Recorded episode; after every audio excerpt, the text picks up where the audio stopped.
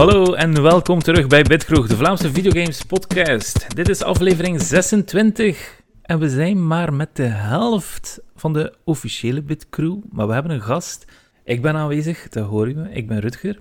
Uh, Robbie is ook aanwezig, Bloody Good Reviews, hallo. Dat klopt, ik ben er. Yes. Dit is geen vooropgenomen opname. nee, nee. Maar we hebben een gast en dat is Grifter, aka Alain. Hey Alain. Uh, hallo. Ça va Alain? Ik ben, uh, ja ja, dat gaat, dat gaat. Moest je nu op café zitten of op een, in een bar zitten, wat zou je bestellen? Ik zou zeggen een duvel, maar uh, ik drink dat eigenlijk niet meer. het is waarschijnlijk een cola. een cola, oh ça va, dat is ook goed. Beetje suiker, het is al laat op de avond, dus ideaal. Ja, de reden waarom ik u heb uitgenodigd is omdat je een, uh, een populair Twitch-streamer bent. Oh ja, populair. Een interessante voor mij alleszins, wow. want je streamt nogal uh, veel retro-games en daar kijk ik graag naar. En je hebt ook uh, redelijk wat coole YouTube-video's van Shenmue en zo dergelijke. Dus ja, welkom bij de Bitkroeg. Hey. Dankjewel. Uh, ja, Twitch is niet echt... allee, ik zou niet zeggen dat ik echt groot ben, hè. Zo bescheiden, hè. ja, het is ja. Maar het doet het gewoon voor de fun. Dat is het belangrijkste. En Inderdaad. De games wat hij speelt, kijk ik ja. meestal het liefste naar. En pff, het is geen Call of Duty of die toestand. En dat is het voornaamste. Het is meer retro. Inderdaad. Daarvoor doen we het tegenwoordig. nu ga ik kijken wat er op het lijstje staat. Want er is heel veel nieuws, vreemd genoeg, deze week. Dus we gaan eraan beginnen. We gaan het lekker kort houden. Eerst gaan we, doen we altijd wat hebben we gespeeld deze week. Ik persoonlijk heb niet veel gespeeld. Het was een drukke week voor mij. Uh, nieuw werk en, en zo verder. Maar ik heb al een bordspelletje gespeeld. Dat is Dominion. Voor de mensen die het kennen. Dat is heel leuk. En voor de mensen die het niet kennen. Het is, uh, het is een leuk. beetje een Slay Ja, ook. maar het is een beetje een the Spire. Maar tegen elkaar. Dus je moet kaartjes trekken en je moet dan zelf je eigen dek maken. En op die manier moet je ja, elkaar te slim af zijn of moet je beter kopen en zo en verder. Ja. Dat is een vrij cool uh, deckbuilding. In, uh, in ja. de Hermelijn waar ik ging Magic the Gathering spelen, daar zijn er ook veel fans van de game. Ah ja, ja. want die, die game is, uh, is gigantisch. heeft al 17 uh, expansion packs en, en zo. Dus uh, en we hebben net onze eerste gekocht, dus ik denk wel dat dat goed komt. Robbie, wat heb jij zitten Yes. spelen deze week? Vooral Watch Dogs Legion Bloodline, de nieuwe DLC. Uh, Elke keer, ik was eigenlijk daar, dat was de reden waarom dat ik de game geïnstalleerd aan het houden was op mijn Xbox Series X. Was van, kom aan, ik wil die nieuwe content. En elke keer als er al zo een beetje DLC kwam, in, also, niet echt DLC, maar zo een nieuw character of zoiets, of een online mode, direct eens gaan checken en zoiets van, ja, ik heb het wel gezien na een uur daar terug in rondlopen in die wereld. Maar nu is het echt wel heel professioneel aangepast, gelijk een serieuze DLC-release eigenlijk. Is ook eindelijk eentje met achievements dat je kunt verdienen. En het grootste probleem dat iedereen met de game eigenlijk had, was dat ze zo geen raking hadden met de hoofdpersonages. Want je speelt niet met één personage, of zelfs niet met een zelfgemaakt personage, maar zo met een legion, hè, met een, een groep van randoms die elk hun eigen skills hebben en die vormen dan samen DeadSec, een nieuwe hackergroep. En uh, nu is er wel degelijk twee hoofdpersonages, en dat is uh, Aiden Pierce vanuit de originele Watch Dogs en uh, Wrench vanuit Watch Dogs 2. En ah, okay. de, ja. de storyline draait volledig rond hun. Je speelt ook alleen als die twee personages, en die hebben een heel toffe skills ook om te gebruiken. Gelijk Aiden kan zo'n area of attack doen dat iedereen, dat eigenlijk alles gehackt is. Dus uh, turrets gaan voor u vechten, vijanden zijn even stunt en zo, dat is wel echt powerful. En ja. Wrench heeft zo allemaal wapens met koosnaampjes. Uh, en ook zo'n sloophamer dat dan mee kan damage doen in een grote regio en zo. Dus het was wel heel tof. Story-wise vond ik het ook leuk, maar ik ga niks weggeven. Maar het was, het was heel tof om die personages een keer te leren kennen, want ik had de eerdere games nooit gespeeld. En ik heb eigenlijk wel zin om Watch Dogs 2 te gaan spelen, puur omdat ik Wrench zo'n leuk personage vind. Ik heb daar heel vaak mee moeten lachen. En vaak zei en deed hij de dingen dat ik in de game altijd aan het denken was, zo tijdens een, een cutscene of zoiets van, zou het nu niet grappig zijn, moest ik dat antwoorden of moest ik dat kunnen doen? En die doet dat gewoon. Dus, ah ja, cool. Ah, ja. Dus dat ligt mij wel volledig. Hebt hij nog niet gespeeld in Watch Dogs nee, 2? Nee. En, nee, en ik wist visueel hoe dat in Range eruit zag, want dat is zo wel een tof design met dat, dat paintball mask en zo, maar dan met zo led oogjes dat reageren op zijn emoties. Dat is wel tof.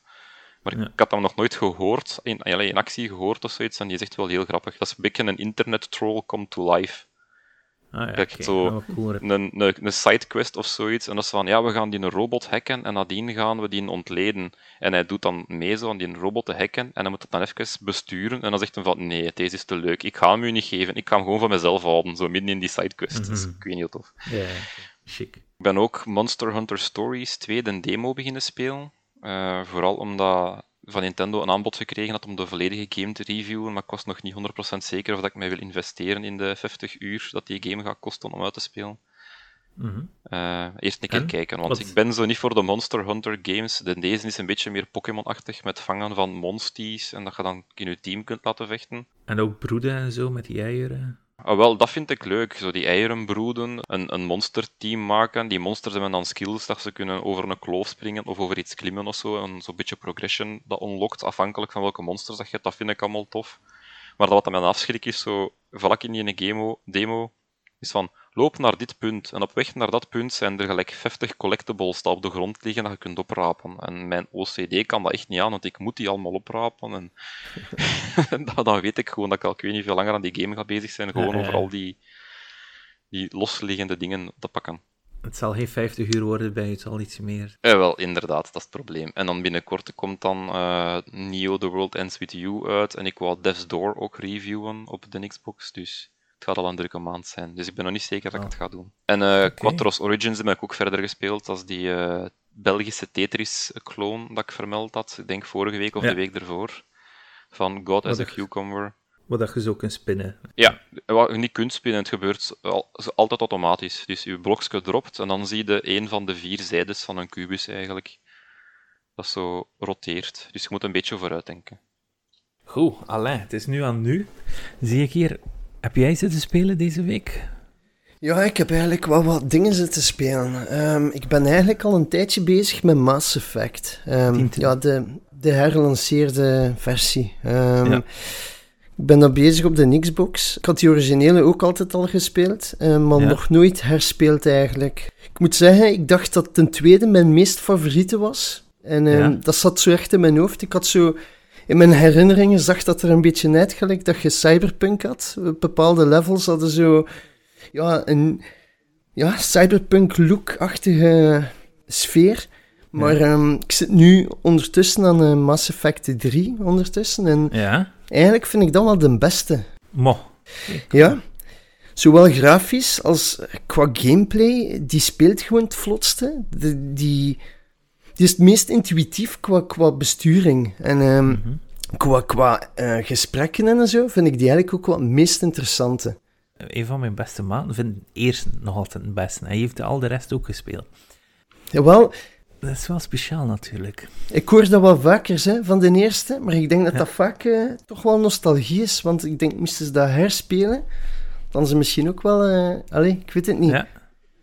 Ehm, ik vond de eerste vond ik ook goed, maar die, die viel. Ik, ik- het gekke is, ik heb die maar één keer gespeeld, maar ik herinnerde me echt nog alles. Dus Ah, op ja, een of andere manier is dat de norm. Ja, blijven hangen. En ehm, de tweede, die. die ja, ik, in mijn, mijn herinnering zelf was die veel indrukwekkender, maar eh, dat viel een beetje tegen eigenlijk. Ja. Dus ehm, ja, Mass Effect 3, ik zit denk ik aan de helft en dat vind ik eigenlijk wel. eh, ja, super. Ik vind de beste uit de reeks tot nu toe. Nou, ik heb die nooit gespeeld. Misschien moet ik een keer aan beginnen. Ja, ik moet ze ook een keer herspelen met alle DLC erbij. Want Ah, die ja, heb ik altijd al. gemist. En het schijnt dat die DLC supergoed is. Ja, die zijn inderdaad. Maar dus wel van, ik denk dat van Mass Effect 2 is er een bepaalde DLC niet aanwezig. Eh, ik, Er is is er van eentje Mass waar dat de 2? source code verloren was of zoiets. Inderdaad, twee, denk dat is ik, wel ja. jammer. Maar het schijnt wel dat het geen groot gemis is. Dat juist een, afle- allee, een episode was die niet super noodzakelijk Ah, ja, was of geen- belangrijk voor het verhaal. Interessant was. Ja. Niet echt relevant. Mhm. Ja, het is, het is toch wel ferm de moeite, hè. Dat spel je, heeft wel... eh, is- ben je andere keuzes aan het maken eh, dan in het verleden? Of ben je toch altijd hetzelfde aan het doen? Voor zover ik me herinner, ehm, ze zijn allemaal... Allee, ehm, je weet dat karakters kunnen blijven leven of, of, of sterven en, en kunnen terugkeren. Ehm, ik denk dat ik het eerste spel volledig eh, compleet hetzelfde gespeeld heb. En Ja. het, In de tweede game ben ik wel meer uh, alleen een beetje evil gaan spelen. Ach, het heeft een naam, hè. Het ontgaat mij een beetje. Renegade. Uh, ja, Renegade, inderdaad. en Paladin is, uh, is de andere zijde. Ja. en ja, ik ben wel... ik was een redelijk hard figuur Paragon, in Paragon. de tweede. Zo. Paragon. Juist. Maar qua keuzes heb ik eigenlijk wel... Ik blijf zo dezelfde dingen, dezelfde romances probeer ik aan te gaan. Uh, het, is, het is raar, maar je bent toch wel een beetje nu dat je bent, denk ik. Uh, je probeert dat in het begin wel een beetje te, te wijzigen, maar dat werkt tegen, denk ik. Als je niet zo speelt, hoe dat je, allee, hoe dat je zelf een beetje bent. Ik denk dat dat... Mm -hmm. Nu, niet dat iemand die, die, uh, die, die, voor Renegade gaat, dat, die, dat dat een evil persoon is, maar bedoel... Dat, dat ligt die, ik denk dat je toch de keuzes neemt die nu het meest uh, voor de hand liggen. Uh, ik, heb dat, ik heb dat met nogal meer games gehad, waar dat je zo de keuzes hebt. Uh, voor de rest heb ik ook Microsoft Flight Simulator nog een keer opgestart. Um, dat is op de PC uiteraard. Um, ja. Dat was eigenlijk... Dat was al lang geleden dat ik dat nog een keer opgestart had. En um, ik heb proberen spelen met de controller. Ik was eigenlijk nieuwsgierig. Dat komt wel draaien uit op de Xbox. Ja, ja het is juist. En ik heb, uh, ik heb echt proberen echt spelen, uh, echt serieus spelen met de controller. En ik vraag me af, hoe gaan die dat doen? Ik, ik snap het niet. Um, het is speelbaar, hè? maar je hebt niks van functies. Je kunt, allez, je kunt, het is ongelooflijk eigenlijk. Je flaps die je kunt instellen, je, je, de aantal benzine die je gebruikt, alle, alle, ja, alle functies van je toestel. Ik, ik snap het niet hoe ze dat gaan oplossen. Uh, maar voor de rest, ja, dat spel, bij mij speelt dat vlot. Um, ik ben ook enorm nieuwsgierig hoe dat er gewoon gaat uitzien op uh, de Xbox. En hoe vlot dat dat gaat spelen. En je kijkt dan ook uit naar die Top Gun DLC die binnenkort... Ja, ja zeker wel. Zeker wel. Uh. Naar mijn herinnering is dat trouwens de eerste keer dat ze zo die richting uitgaan. Um, ze ja. vroeger, had, vroeger had Microsoft wel, dacht, iets met... Met, met, met jets of zo. Ik denk ja. dat ze ooit wel iets gehad hebben. Ik kan nu verkeerd zijn. Uh, maar in Flight Simulator zelf kan ik me niet herinneren dat er ooit al jets gez gezeten hebben. Dat is eigenlijk me natuurlijk vergissen. Ja, dus, uh, don't, don't, don't, shoot the messenger. uh, ik heb dan ook een keer Halo Wars opgestart, een tweede. Ja. Um, ik ben enorm onder de indruk van die CGI-filmpjes. Uh, dat is cool, hè? Die, ja. die zijn echt extreem schoon in dat spel. Dat geeft een heel en- mooi verhaaltje. En um, dat spel dat heeft nu ook 60 frames en dat speelt echt wel vlot. Plus die... eh, het is nu de ideale titel om te spelen, want die bad guy die zit ook in Halo Infinite. Hè? Ik weet zijn naam niet meer, verdorie. Maar ja, goed. De mensen gaan wel weten. Als De bad guy, inderdaad. Ja, die, die zit ook in die Halo Infinite trailer. Dus eh, is zeker Ja, ben- om die een keer te doorspelen, denk ik. Ik heb zo'n haatliefde met Halo. Het is zo'n reeks. eh, de allereerste die uitkwam, vond ik subliem gemaakt. Eh, Ja? Maar ik had er enorm veel problemen met zo de ja, levels, gelijk in dat schip op het einde. Dat was, Oh ja, de bibliotheek en al die en, toestanden. ja. ja. Ja, dat was een copy-paste en ja, dat viel enorm tegen. Maar ik vond de animaties van de, de vijandjes wel enorm eh, mooi gedaan voor in die tijd. En denk, ik heb onlangs Halo 5 dan wel een keer gespeeld en dat was ik wel in, door de, van in de indruk. Maar Mhm. ik had het niet zo voor die, die stijl van ja, die harnassen, die kleurtjes. Die, eh, ik vind het een beetje bizar, Halo.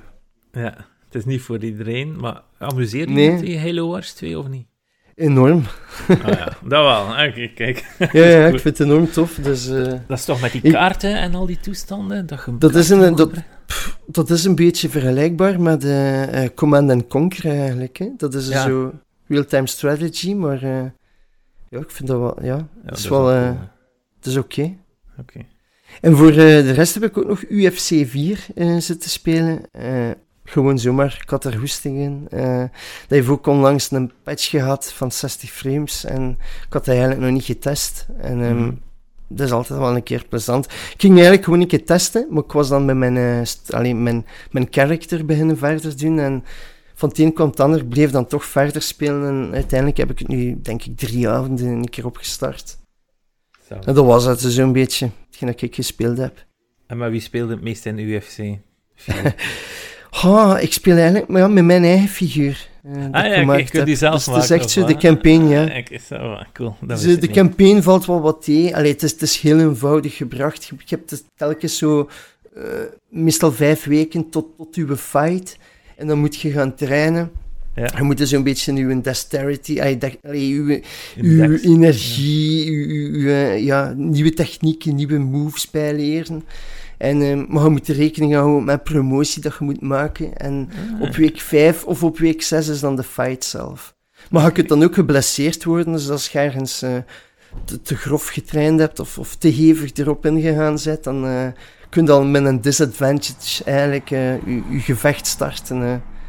Ah, Oké, ik wist niet dat dat zoveel diep hangt, dat die games. Ja, ja, ja, ja, dat is wel, ja, toch wel. eh. Ja, maar meestal, zo- de meeste mensen die hier naar luisteren, spelen natuurlijk niet zoveel sportgames. Hè. En dat is dan natuurlijk, nee.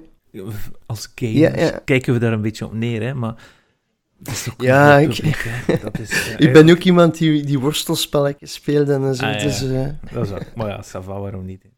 Goed, maar dan gaan we over naar het nieuws. Want ja, zoals ik al eerder zei, het is heel wat. Final Fantasy 14 nieuws. Dat is eentje voor Ja. Robbie, want het is Final Fantasy. Ik heb het juist zien weer. passeren eh, en ik vond dat wel Ja? grappig, want ik wist niet dat dat kon. Was er een Ja. nieuwsbericht van Final Fantasy 14 kan de digitale key-aanvraag niet bijhouden. Zeg wel, het is digitaal, daar zit toch geen limitatie op, die moet toch een hoe grote stok hebben. Maar blijkbaar is er in ene keer een supergrote spike in populariteit gekomen voor het spel. Eh, Met berichtgevingen van hoeveel miljoenen spelers dat ze hebben. En ja, zien spelen, doet spelen blijkbaar onder de gamers. En iedereen wil in één keer het spel gaan proberen. Ook omdat er nu, eh, ja, je kunt tot level 60 gratis spelen of zoiets, denk ik. Mhm. Maar voor een of andere aanvraag van een, een bot version of zoiets, digitaal dan, kon de server de vraag niet bijhouden. Dus er waren meer mensen aan het zeggen, ik wil het spel kopen, dan dat er nieuwe keys konden gegenereerd worden. En ik vond dat wel grappig. Dat is wel gek, hè. Maar dat is echt heel populair aan het worden, hè. de Final Fantasy. Ja, die is 14, altijd al is, redelijk populair geweest. Maar, en, en ik vind het eigenlijk ook wel een, een, een goed succesverhaal over hoe dat je niet moet opgeven. Want als die game uitkwam, kreeg die heel veel negatieve kritiek. Dan zijn ze even in de think tank gegaan en gezegd van speelt een slechtere versie maar even verder, maar we komen met een betere versie af. En dan hebben ze een volledige rewipe gedaan. Dat ook goed aangepakt. En de mensen die de originele versie al gekocht hadden, beloond voor trouw te blijven aan de game en zo. En dan from the bottom up alles opnieuw gemaakt. Heb je ook dat nieuws gehoord onlangs van die eh, composer die eh, kanker had en die zelfs nog op, op zijn eh, kankerbed gewoon aan het composen is? Nee. Heel, goh, een fantastisch verhaal dat mensen een keer moeten opzoeken. Het is dus gewoon die composer, en, en de meesten wisten het niet eens, maar die zat nog gewoon te composen voor Final Fantasy XIV, eh, terwijl hij met een kankertreatment is, omdat hij, hij wou niet stilzitten, terwijl dat hij onder de chemo ging en al die toestanden. Dus amai. dat is echt wel eh, heavy. Nou ja. Ja, nog een, een, een, een ding, een tof weetje wel aan Final Fantasy XIV is dat eh, de lead game designer draagt graag cosplays van het nieuwste Ja? job-personage. Ah ja, dus je gaat dan zo die Ja. eh, gunblade carrying eh, mod- job dat je kost doen in de game of zoiets. En dan heeft hij dat volledig one-on-one laten namaken en dan draagt hij dat zelf naar de next Comic-Con-achtige convention of zoiets. Ik vind dat wel cool. Je ziet wel dat dat mensen zijn die wel van hun product houden. World of Ja. Warcraft had het vroeger ook een beetje, maar tegenwoordig zijn ze wel vrij aan het afzwakken. Ik denk ook dat veel mensen van World of Warcraft... Huh? Is het World of Warcraft? Ja, hè? Ja. Die- Dat die aan het overspringen zijn naar Final Fantasy. Dus... Ja. eh, Blizzard in het algemeen is een beetje goodwill aan het verliezen met recente nieuwsberichten. Hè. Dat is een beetje slechte geweest. company-dingen, Activision dat zich moeit en zo. Ja, bad PR. Maar kijk, we gaan wat beter nieuws pakken.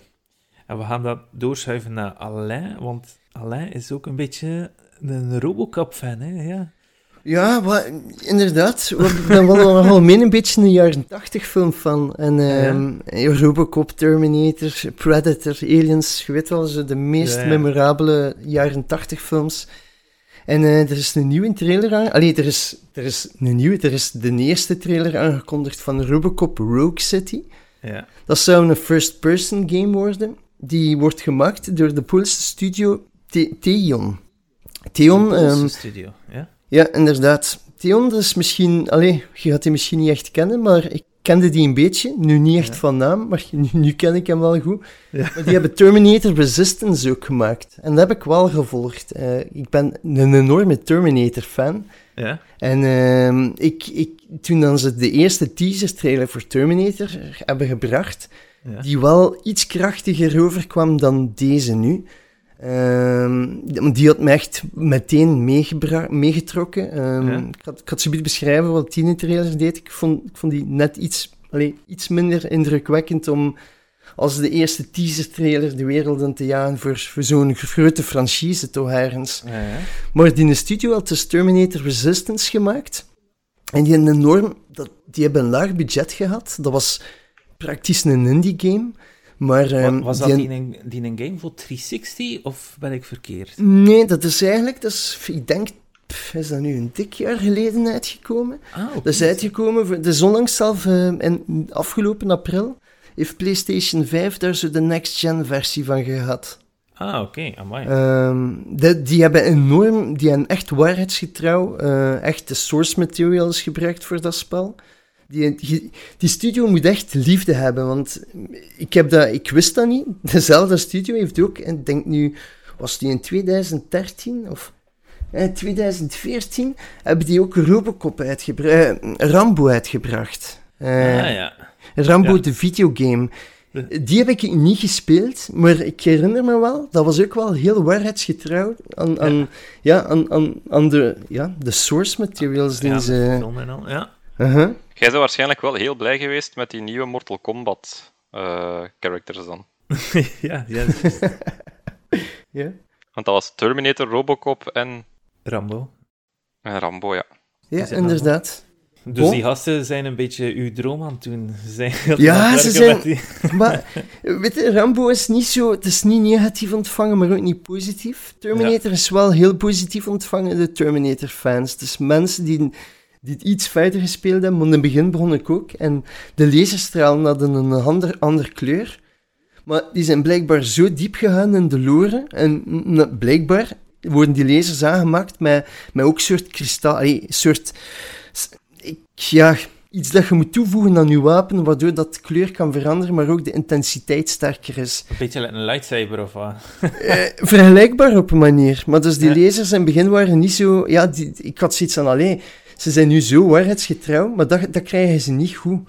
En, ehm, maar blijkbaar als je dan wel verder zit, en, en dan zag ik dat dan ook, van amai, oké, het wordt echt wat Terminator. Maar als spel zelf, ja, het, het had heel slechte voice acting. Het waren volwassen personen die kinderen speelden. Het was echt zo van... Hey, I feel lost, man. Please, Ja. could you help me? Het was echt zo, en dat was echt letterlijk zo, was, was de voice acting. En Dus dat was wel jammer, maar Ja. hey, dan nam je wel iets uit de experience. Maar Ja, als, als game kon je echt wat tellen. Nu, Robocop, ik ben enorm benieuwd, want het is een enorme grote franchise. Ehm, ze, het, is, het is ook een samenwerking met eh, MGM en het wordt uitgegeven door Nacon. Nu, ik ben er niet zo gekend mee. Ehm, hun vorige games werden door een andere uitgever gebracht. Ehm, en het is ook de eerste Robocop-game, echt grote Robocop-game, sinds 2003. Dan is op de PlayStation, eh, PlayStation 2 denk ik, of, of de 3. Ja, niet twijfel. Ik denk de 2. Is, is eh, Robocop uitgekomen als een, ah, een big budget game. Maar dat was dezelfde studio die ook Superman 64 gebracht heeft. En ik weet niet of dat je dat weet, maar dat spel was niet echt al geliefd. En dat Nee, was ook niet echt goed speelbaar. en Robocop was niet veel beter, eh, als het niet slechter was. Dus eh, er zijn wel wat mobile games geweest. Dus dit is echt de eerste keer. En het is, dus ik ben wel benieuwd. Nu, de trailer, heb je hem Ja. gezien? Ik heb half gekeken, maar... Maar Ja. dat zeg is, toch, maar. is er een trailer? Dat is Wel- toch een teaser, zeker? Een teaser, inderdaad. Alhoewel, ik vind de teaser heel jammer. Geen, geen iconische tune die ze gebruikt hebben, want de game, dat heb ik dus opgezocht, eh, de game wordt gebaseerd, want ik vroeg me af, gaan ze nu zich baseren op de, de nieuwe film? Want in principe is de, is de franchise gereboot geweest met een nieuwe film. Maar ik denk dat dat geflopt heeft, want dat ging ook een trilogie worden, maar dat is bij ene film gebleven. Ja, juist, ja. Nu, ik was bang dat die een game zou gebaseerd worden op de nieuwe franchise, maar het is dus wel degelijk op de originele trilogie Ja. dat die gaat gemaakt worden. Maar het is een enorm gemiste kans om bijvoorbeeld niet de... Geen, ja, geen bekende tune of bekende sound effect, de gun die uit hem komt of, of, of Eh. iets. Er, er, er is niks mee gedaan geweest. Alleen Maar op het einde zie je twee seconden zie je even zijn been en dan zag je, oké, oef, het is de goede Robocop. Ah, Eh, ja, kijk. Maar eh, pas op, die reboot van die film, ik vond die ook niet slecht. Ik weet niet of dat jullie die gezien hebben. Nee, ik heb die niet gezien. Ik heb hem gezien, maar ik ben hem al vergeten ook. Dus zo'n geweldige indruk heeft Ja. hij achtergelaten, denk ik. Ja, het was niet slecht, maar dat was gewoon niet Robocop, weet wel. Dat is Ja, zo ja, niet, ja. eh, niet hetzelfde. Maar ik vind, vind het wel vet dat ze voor een FPS gegaan zijn. Dus ik denk wel dat er wel iets in zit. Dat kan, ik hoop het. Het is trouwens met Robocop dat je gaat spelen ook. eh, Ah, het, ja. is, ja, het zou kunnen zijn dat je in de wereld van Robocop zit, maar eh, het is wel effectief met, met de man hemzelf. Of met de halfman. Ja. Over een halfman gesproken. Nee, dat is een goede. En als je personage zelf een naam kunt geven, noem ik mijn eigen gewoon Robbie Kop. Ah, oh, Jezus Christus. Ah, Oké, maar nee, mijn mooie brug over halfman. Hè. Gesproken. Eh, Er is ook een andere game aangekondigd op dezelfde conferentie. Dat is Lord of the Rings Gollum. Verschijnt in het najaar van 2022. Ik zelf heb al eh, redelijk wel Lord of the Rings lore onder de knie. En ik moet zeggen dat ik het spel er eigenlijk niet zo goed uit zie zien. Hij springt zelfs als een kikker, heb ik op een moment zien, die een Gollum. Eh, uit de informatie heb ik ook gehoord dat het een stealth parcours-achtige game is. Het zijn allemaal dingetjes die mij niet per se aantrekken. Ik heb voor de gelegenheid ook daarnet eh de trailers nog een keer vlug bekeken. En ja, ik- het, het was... eh, ja, het zag er niet zo goed uit, inderdaad. De trailer had trouwens slechte framerate dan ze het spel toonde. En Ja. het zag er, ja, het zag er niet oké uit. eh. Ja. Het is heel Maar- raar om je spel zo te promoten. Inderdaad, want het was eh, ook een, een trailer van twee minuten of zo. En eerst zie je iemand die voor een heel lelijke greenscreen staat, dus babbelen. En dat had al een beetje cringy momenten. Maar voor de rest, ja, kijk, misschien moet er nog wel wat aan gewerkt worden. Laten we dat hopen. Het is van dezelfde mensen zoals War of the Ring waarschijnlijk? Nee, Shadow of the eh, War... hmm, ik ben even de namen kwijt. Even- Is dat van... eh, Shadow of Mordor. Sh- Shadow of Mordor en zo. Ja, ja, ja. Is dat van Shadow- dat team? Ja, dat is inderdaad van dat team. Amai. Dan, eh, Ja, zij hebben een beetje die licentie van eh, Lord of the Rings. ja, Shadow of War en, en de andere was iets met Mordor. Dat was wel, die vond ik wel alle twee heel goed. Ja, maar het probleem was dat uiteindelijk weer bij de tweede, dat ze weer wat meer eh, pay-to-win voor een singleplayer gegaan zijn uiteindelijk. Want de WB Games hamerde daar vrij op op dat moment. Dat is er ondertussen allemaal wat uitgepatcht, maar in het begin was dat helemaal niet goed in Shadow of Mordor. Ah ja. Ehm, dus ik hoop dat ze wat eh, vrijheid hebben gekregen bij Gollum. Ik vind, het dat, ik vind het al heel moeilijk in Lord of the Rings, die creatieve vrijheid. Want bijvoorbeeld Shelob, die spin in de tweede film, dat was nooit een mens. Hè. Dat, de schrijver heeft haar nooit in een mensenlichaam gestoken. Hè. Dat was altijd gewoon een vieze, enge spin en dat was het. En dan maken ze daarvan een vrouw in die tweede game en dat, dat maakt mij al wat lastiger op dat moment. Ja, het was niet zo trouw aan de lore. Nee, het is dat. En die een Gollum, ik hoop dat dat iets wordt, maar ik denk dat ze weer te veel gaan bijfantaseren. Hmm. En wat dat er ook nog aangekondigd is, is Xenoclash 3. Dat is een hele speciale game, ziet er heel cool uit, maar dat is absoluut niet voor iedereen. De eerste twee waren al heel bizar. Dat zijn, eh, eh, de eerste twee waren first-person eh, melee games.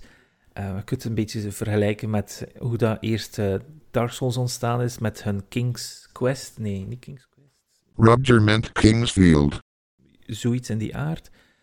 Ehm, en dat ze dan naar eh, third person zijn gegaan met, Darks, eh, met Demon Souls. Dat is een beetje hetzelfde met Xenoclash 3. Zie ik op een of andere manier, en door mijn ogen, is dat ze ook third person zijn gegaan bij Xenoclash 3. En het ziet er ook al wat meer eh, third person, dus ik denk dat ze een beetje die stijl opgaan, maar dan in hun speciale wereld. Want die monsters zijn uber bizar, maar zijn wel uber cool in mijn ogen. En nu even kijken naar het volgende nieuwtje, Assassin's Creed Infinity. Ja, dat is ook een speciaal. En, en daarvoor gaan we weer naar onze Assassin's Creed specialist, hè, Robbie. Ja, wel, Assassin's Creed specialist, maar ik heb mij hier nog, nog niet geïnformeerd, aangezien het nog bij bevestigde geruchten blijft. Allee, het is te zeggen, Ja. er is nog niet superveel over geweten. Eh, Ja. Het idee zou erachter zijn dat de volgende Assassin's Creed niet meer een gewone release zal zijn in een bepaalde setting of zoiets, maar dat ze meer voor een soort van live service ding gaan, zoals Fortnite, waarin dan events plaatsvinden, of dat je bijvoorbeeld eh, single-player stories als een soort van DLC of content zo gaan kunnen kopen, of misschien juist meer op cosmetics gaan focussen of zo. Maar verder is er nog niet zo heel veel over geweten, buiten dat het internet er niet positief op reageert. Ja. Ze, ze zijn al een paar fans kwijtgeraakt met die fantasy dingen er te introduceren en zo. Eh, en het Mhm. meer RPG-achtig te maken. En ik moet zeggen dat dat bij mij juist het, het positieve effect had. Want ik vond de vorige Assassin's Creed buiten Black Flag niet zo fantastisch. En ik ben dan weer wel grote fan van de action RPG's, de laatste drie. Ja. Maar, maar hiermee heb ik ook wat schrik. En ik hoop ook dat ze het verstandig aanpakken. Ja, want vorige episode hadden we het over Grand Theft Auto 6, die ook zoiets wou doen, op de planning stond. Ja, maar van zo'n game begrijp ik dat, want ja, Grand Theft Auto ja. 5 is dat eigenlijk al, hè. Dat is al een kweennieuw grote game. En je hebt daar al communities in dat niet anders doen als zo eh, met een auto moeilijke parcours afleggen in de lucht en zoiets, wat dat totaal niet de game is, wat dat Grand Theft Auto 5 als bedoeling had, wat nu wel geworden is. En ja, dat, dat is een van de... Het verdient geld, dus... Ja, ja, dat is waar. Ik stel me bijvoorbeeld nu iets voor in Assassin's Creed Infinity. Waarschijnlijk willen ze bijvoorbeeld... eh, stel je voor dat je een assassin bent in, in, in eh, Pompeii. Hè? En de eerste zes maanden in het echte leven kun je daar eh, Assassin's Creed spelen, zoals altijd. Maar op een gegeven moment ge- eh, gebeurt de, de welbefaamde... ehm, Mhm. Volcano-toestanden en eh, iedereen versteent daar, maar hij als assassin ja, ontsnapt daaraan waarschijnlijk. En, en, en dan is de wereld veranderd voor altijd, maar de, de mensen die de eerste zes maanden niet gespeeld hebben, hebben heel die stad niet beleefd. Ja. En ik weet, ik weet niet of ik daar klaar voor ben, voor iets te missen in games, want daar ja, hou ik absoluut niet van. En dat is iets dat mij zelfs afschrikt in games. Als ik weet dat ik bepaalde content al niet heb kunnen meemaken, waarom zou ik het in godsnaam Mhm. nog spelen? Ja, ik volg dat ook wel. Dus, Ik zou dat meer zeker. zijn voor de systeem. en voor, Ja, vooral ik- voor iemand van onze leeftijd, ik bedoel, ja, ja, nu is het wel onze leeftijd, maar ik bedoel, voor 30-plussers met kinderen en weet ik veel wat, kom, eh, eh, we zijn niet meer dat publiek die iedere avond kan gamen. En Kijk, ik heb bijvoorbeeld niet kunnen gamen deze week, dus, dus om dan zo'n events te missen, dat is toch vrij hatelijk, uiteraard. Mhm. Ja, maar ze doen dat nu al op een bepaalde manier met de huidige Assassin's Creed. Dus ik denk dat dat misschien gewoon overroepen is in hoeverre dat dat mensen gaat afschrikken of dat dat niet gaat zijn wat dat we nu krijgen. Ik bedoel, Mhm. in de laatste Assassin's Creed dat we gespeeld hebben, ik kan nog herinneren, eh, die eerste daar, de, die in Egypte, Origins. Dan had je zo Ja. Final Fantasy 15 kwam uit en dan had je in één keer zo een DLC, allee, een gratis time event dat je maar heel even kost spelen en dan had je zo Final Fantasy in Assassin's Creed en omgekeerd. En, ja. en dan, dan een chocobo en, eh, ja, eh. Voilà.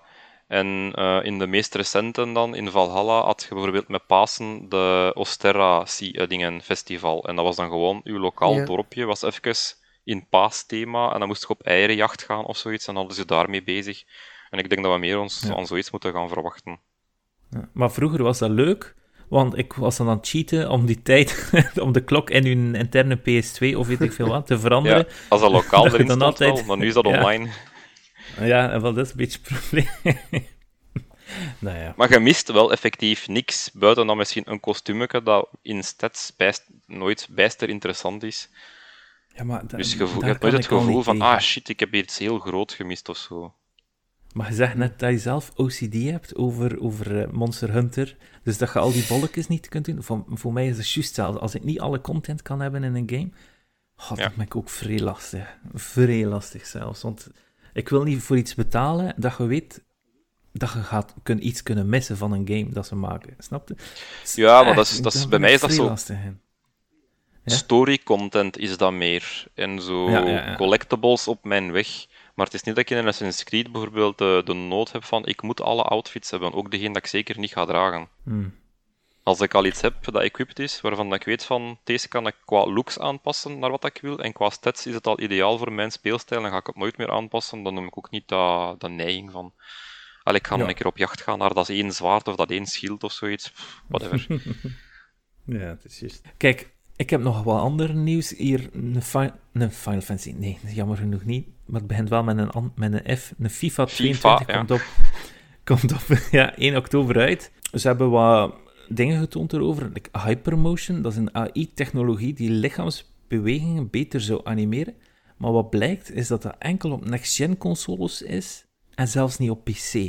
Dus, Dus enkel op Next wat- Gen gaan we de Zinedine Zidane zijn kopstootje kunnen zien, maar jammer genoeg. Ja, maar en goede motions, hè? dus misschien gaat het er wel nog in zitten, maar eh, Ja, er is een beetje heisa rond ook, hè. Maar ja, eigenlijk, het is niet de eerste keer dat dit gebeurt, hè.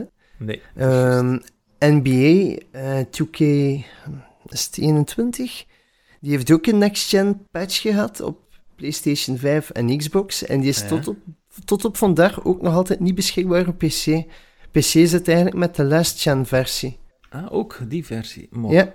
En dus, dit is eigenlijk, dat is, dat is ook, ja, dat is een beetje verstopt gebeurd op een manier. Dat is zo, die, die game was al uit toen dan Ja. de consoles uitkwamen en dat heeft zo een soort upgrade gehad. Zo.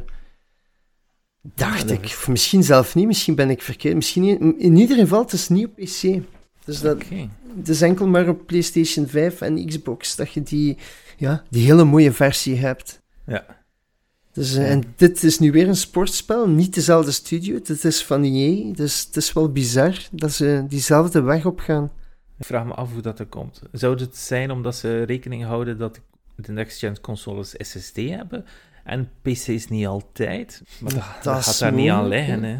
Ja, ik weet het niet. Persoonlijk denk ik dan eerder om de next-gen eh, systemen een beetje een boost te geven, denk ik eigenlijk. Maar ik denk wel dat dit het laatste deel is die dat verschil gaat hebben. Ik denk dat de volgende FIFA 23 of de volgende NBA, dat die dan weer op PC kunnen draaien, magisch gezien. dus eh, ja, we zullen wel zien.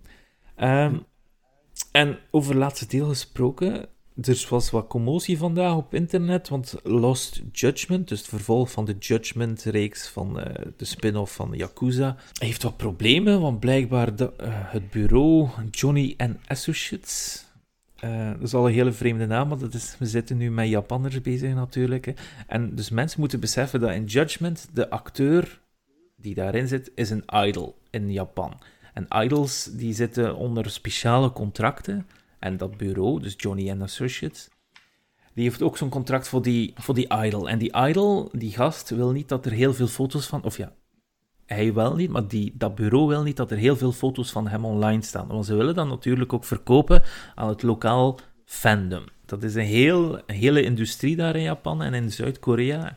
Waarschijnlijk wel nog wat plaatsen. En die, die zitten heel erg vast. En dat bureau wil niet dat de volgende Yakuza op PC... eh, niet Yakuza, Judgment op PC verschijnt, omdat je natuurlijk zijn model daaruit kunt rippen en in andere games steken. We hebben dat al gezien met Final Fantasy of met andere games, dat ze die modellen daaruit steken en dat ze dat die bijvoorbeeld gebruiken in VR-chat of andere games. Maar zij willen dat niet natuurlijk, hè, want zij hebben rechten op zijn uiterlijk. Ja, zover gaat het daar in het eh, oosten. En dus ja, hebben ze misschien gezegd van ja, dit is dan de laatste eh, judgment die er gaat zijn, die, die in september gaat uitkomen. Maar de gast zelf, de acteur zelf, is wel een enorme gamer. Want, en hij speelt zijn rol super graag. Dus het is nog niet volledig uitgesloten dat dit effectief de laatste titel gaat zijn in de reeks. Misschien is dit een beetje non-nieuws, maar het was toch wel de moeite waard om een keer heel dat raar idol gegeven in Japan een keer in de kijker te zetten, want eh, bij ons is dat heel anders natuurlijk. Hè. Hmm. Ja, het zou verschrikkelijk zijn, hè, mocht dat... eh, Zolang dat ze geen Get Ready game beginnen maken. of Ah. Dat is zo de enige periode dat ik zo lokaal hier geweten heb dat zo alle teenage girls aan het swoenen waren over... Ja, ja. Dan denk ik, ja, krapul en actie de game. Hè. Jeez, dat heeft... hebben jullie de eerste Judgments gespeeld? Ik heb hem eventjes gespeeld. Ik heb hem niet volledig uitgespeeld op dit moment. Ik vind hem nog niet zo gek zoals de Yakuza's. Ik heb geen Ja. enkele Yakuza gespeeld. Hij is een meer Ik, een, eh, een Shenmue-fan, hè. Ik heb dat al begrepen uit een Discord. Ja, ja, sowieso. maar daar gaan we nu niet op ingaan. En nu kijk, we hebben nog een nieuwtje over dezelfde studio. Dus de mensen die Yakuza maken, maken ook Super Monkey Ball. En eh, blijkbaar is dat Banana Mania, dus die ook binnenkort uitkomt, die gaat Gyro Controls supporten voor Switch, PS5, PS4 en Steam. Dus als je een controller hebt die wat eh, gyro kan eh, hebben, dus je weet wel dat je je controller zo kan bewegen en dat dat balletje dan op het scherm naar links of naar rechts gaat, die controllers gaan dat supporten. Xbox heeft dat niet, dus Xbox gaat dat niet krijgen. Spijtig genoeg. Inderdaad. Eh, en goed, dan moeten we nu overgaan naar PlayStation. PlayStation heeft een, een State of Play gedaan. Uh, Mosbook 2 was het eerste wat ze getoond hebben. Dat is een hele leuke VR-game. Yes, grote fan. Ja, heb je hem uitgespeeld? Ja. De eerste Mos, ja, ja, op Quest. Ja. Want dat was zo een van de games dat ik in der tijd nog dacht van, ah, dat is jammer dat ik geen PlayStation VR heb. Gewoon puur omdat ik dat daar zo cool uitzien vond. Mhm. En dan heb ik op de Quest eh, gespeeld.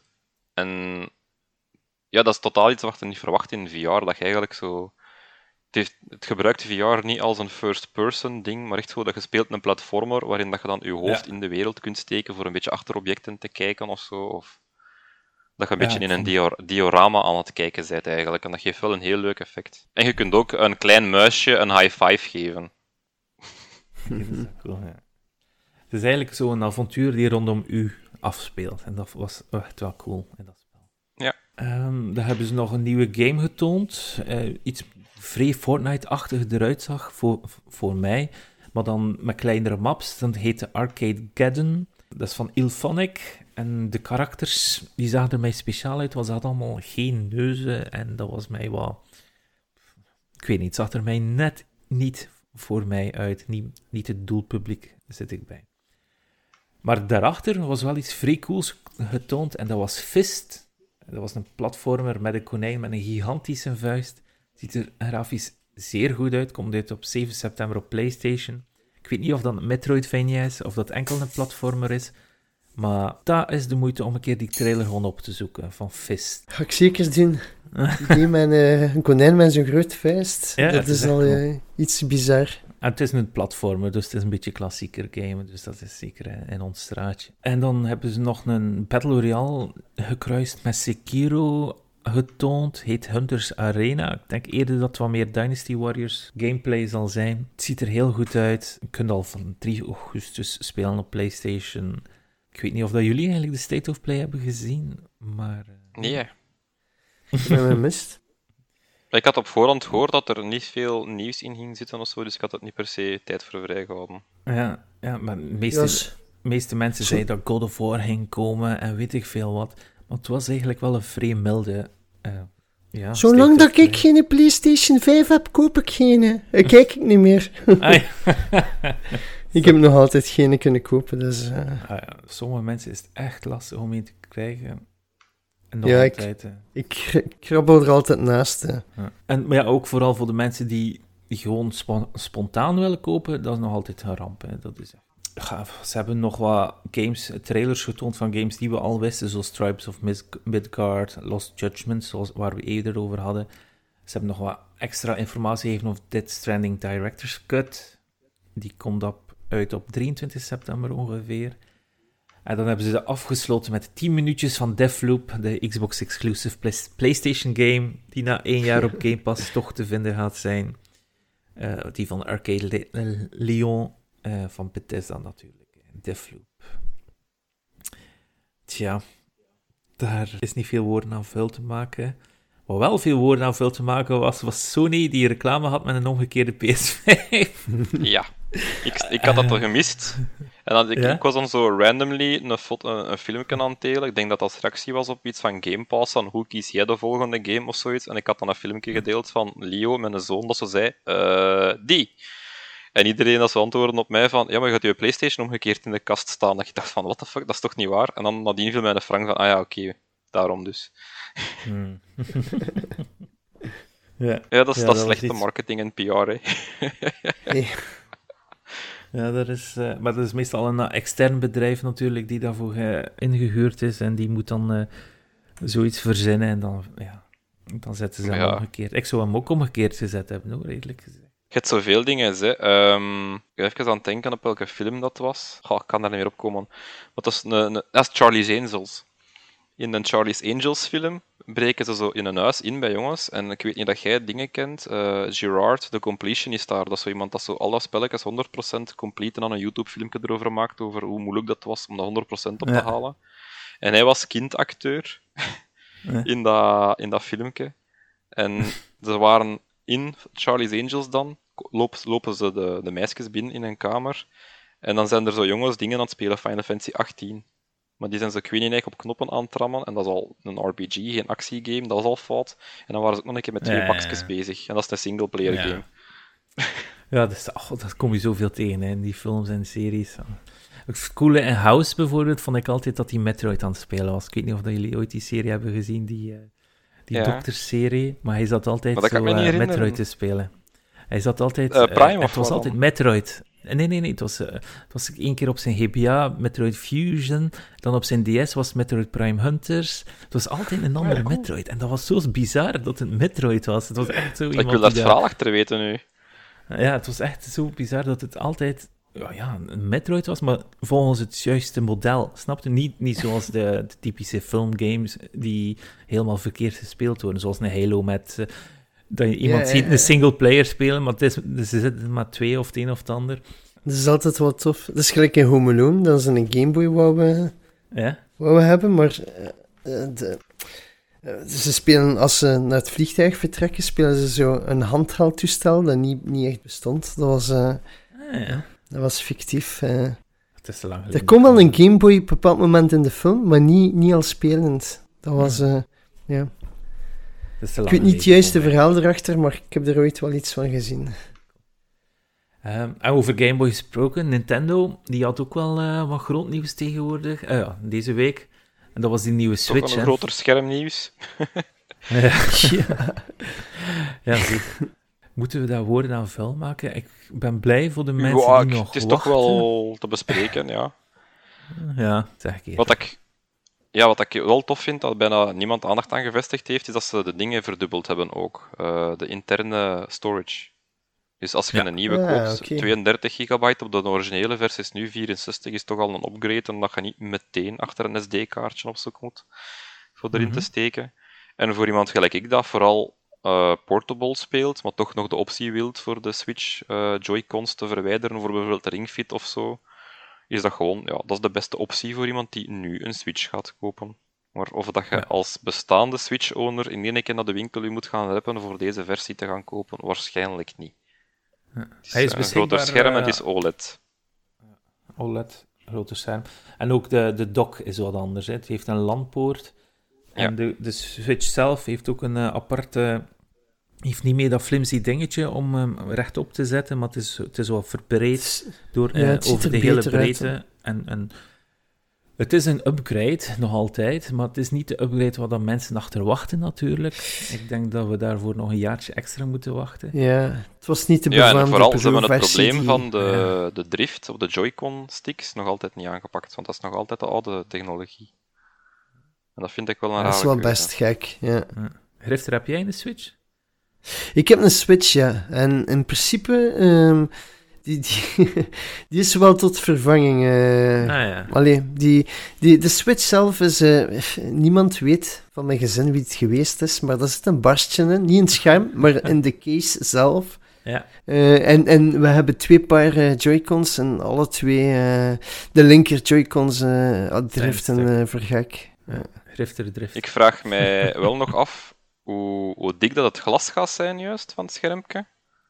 Ja. Ehm, plastic. En waarom is, dat, ja, waarom is dat belangrijk? Het is OLED. En OLED is een glazen scherm dat nogal een keer gevoelig is aan wat meer burn-in als andere technologieën. En like de Switch e-store, dat is allemaal oranje. En oranje, geel en rood, dat zijn de drie kleuren dat je in OLED het meest risico hebt dat die zich inbranden in je scherm.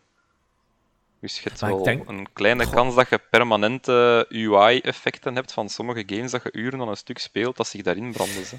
Ik heb het met mijn tv ook Ja. voor. Heb je ingebrand in je tv? Ja, dat, dat is, meer en meer valt mij dat op. En je hebt normaal gezien wel technologie dat dat zo eh fixt, maar eigenlijk is dat fixen gewoon Ja. onthouden van, ah ja, daar zit extra geel of extra rood of extra wit in het laatste half uur. Ik zal de rest van dat scherm nu even gaan beblijsten met die dingen of zoiets, zodat het allemaal een beetje faded out is. En uiteindelijk komt mijn situatie, gelijk in mijn tv, waarin dat, als je een scherm ziet met veel geel, dat dat geel bijna groenig geworden is. En, en dat vind ik al vervelend. En nog vervelender is als je bijvoorbeeld een geel of een rood eh, scherm aan het bekijken bent, dat je dan zo telenet user interface elementen ziet, gelijk zo de pauzeknop of zo 54 minuten, omdat er ooit een keer onze tv op een programma stond, we hebben op pauze geduwd, we zijn gaan eten of weet ik veel wat, en dat heeft dan gewoon op blijven staan Ah. en heeft zich langzaamaan beginnen inbranden in dat glas. En zo Amai. rechtsboven het VT4-logo dat ik altijd zie. Allee, altijd. bij, bij gameplay zie je het bijna nooit. Het is vooral bij stil. stilstaande beelden of als ze eigen inzoomen. Gelijk, bij mij vond ik het hilarisch als ik eh, Kingdom Hearts 3 aan het spelen was en de camera zoomde in op Winnie de Pooh zijn gat, dat ik in één keer zo telnet 54 minuten zag staan. Zo. Ja, ja, ja. Ja, het is te hopen dat ze een soort eh, schermbeveiliging inbouwen, gelijk dat de Xbox gebruikt. Hè. Als Ja. je de Xbox ietske, allee, heel klein beetje idle laat staan, dan eh beginnen, ja. beginnen verschillende contrasten over je scherm heel subtiel te rollen. Ja, Ehm, inderdaad. dat is wel een manier om dat wat tegen te gaan. En ook de nieuwe tv's, zoals mijn LG C, nee, eh, CX of eh B9, die, eh, die gebruikt, eh, die verschuift je scherm iedere af en toe een pixel naar links, naar beneden, naar rechts, naar boven. Maar je, je merkt daar niets van. Maar blijkbaar doet die tv dat wel, zodat je niet altijd op hetzelfde, op dezelfde Ja. pixel zit eh, te schijnen. Ja, wat dat, ja. Het is grappig dat je er nu zei, want het was mij voor laatst opgevallen dat ik ehm, een Disney Plus programma, ik denk dat Raya and the Last Dragon of zoiets was, dat dat op pauze Ja. stond. En dat ik tegen mijn vrouw zei van, "Hé, dat is nu raar, dat scherm staat op pauze, maar je ziet de wolken bewegen op de achtergrond. Gelijk dat het een gif was, maar dat zal dan waarschijnlijk gewoon die technologie zijn dat zo een beetje alles opschuift voor. Ah, cool. Ja, maar kijk, die, eh, die Switch die uitkomt, die heeft ook een landpoort. Wat goed is voor de online play, zoals in Smash Bros. of in, in Mario Kart. Hij heeft ook wat betere luidsprekers bij, eh, heb ik gelezen. Dus ik ben blij dat dat ook aangepast wordt. Dat was niet zo in het nieuws. Het was heel veel doemdenken in het nieuws op dit moment. En, eh, Maar als je wat kost de Switch nu? Wel, ik ging juist niet. zeggen, als je dacht dat een deze ging lanceren aan de prijs van de oude Switch en dat dan de, de oudere Switch nog altijd beschikbaar blijft aan een lagere prijs, think again. Deze nieuwe versie gaat gewoon 350 euro kosten. Ja. Dus daar betaal je een 50 euro meer voor. ja, dat is waar. Hm. En voor een Switch moet je nog altijd 300 betalen. Dat is zo de, eh, de vraagprijs van Nintendo. Ja. Maar vanaf dat de populariteit van dat toestel duidelijk was, is bijna elke winkel in België 330 euro beginnen vragen. Als nog nieuwprijs. altijd. Mhm. Ja, je hebt vaak een actie dat je zo hem kunt kopen voor 300 met een game erbij of zoiets, maar dat is dan zo tijdens een time-limited sale. En voor de mensen die geïnteresseerd zijn in die dock die bij die nieuwe Switch hoort, door die eh, ingebouwde landpoort, eh, die kunnen die ook kopen, maar je kunt die niet vinden in winkels. Die gaan de online bij Nintendo zelf moeten aanschaffen, blijkbaar. Dus eh, voor mensen die graag die online play willen verder zetten, zonder eh, dongle of weet ik veel wat, of wifi, want wifi is vrij slecht bij Nintendo. Dan is het misschien wel een keer interessant om te investeren in dit dingetje. Over investeren gesproken. Ja. Ooit heb ik een Super Mario 64 gekocht. nee, dus eh, Super Mario 64, eh gesealde game, graded 9.8 op de A++ Watta-schaal. Weet ik veel wat dat, dat is. Nee, daarvoor komt dat Watta-schaal. Is verkocht voor 1,3 miljoen op een auction site. Dat is heel Ja. veel. Het vorige game die zoveel eh, veel haalde, 733.000 euro, was The Legend of Zelda voor de NES ook gesealed. Dat was een week geleden. En eh, Super Mario Bros. voor de NES, dat was al een, half jaar geleden, die- was voor 660 660.000 dollar verkocht.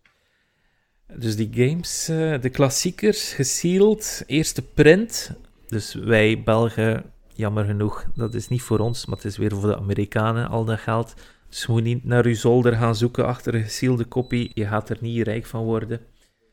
Ergens in Japan is er nu Nintendo aan het denken van, als we nu een keer opnieuw een paar Super Mario 64 eh, stuks maken, voor om in omloop te brengen en te verkopen. Kijk, ah, waarom zouden onze Switch aan 300 verkopen? Kijk, ze betalen al zoveel Ja. van de oude NES-deal. Maar daar bestaat meestal wel een regeltje voor dat ze dat niet mogen doen. Maar ik weet niet in hoeverre dat bij, bij games is, maar bijvoorbeeld bij trading cards en zo wordt dat vaak gedaan. Dat je een restricted list zet en dat is dan kaarten waarvan dat ze zeggen we gaan die nooit meer opnieuw printen, zodat die hun waarde blijven houden. Ik denk, in, in games, ehm, er is een company die al Mega Man X heeft opnieuw uitgebracht, Lion King al opnieuw heeft uitgebracht. Eh, binnenkort Mega Man Battle en eh, Mega Man The Wily Wars op Sega Mega Drive opnieuw uitbrengen. Dus officieel ook, hè. dus geen repro's, maar dat ze het officieel opnieuw uitbrengen.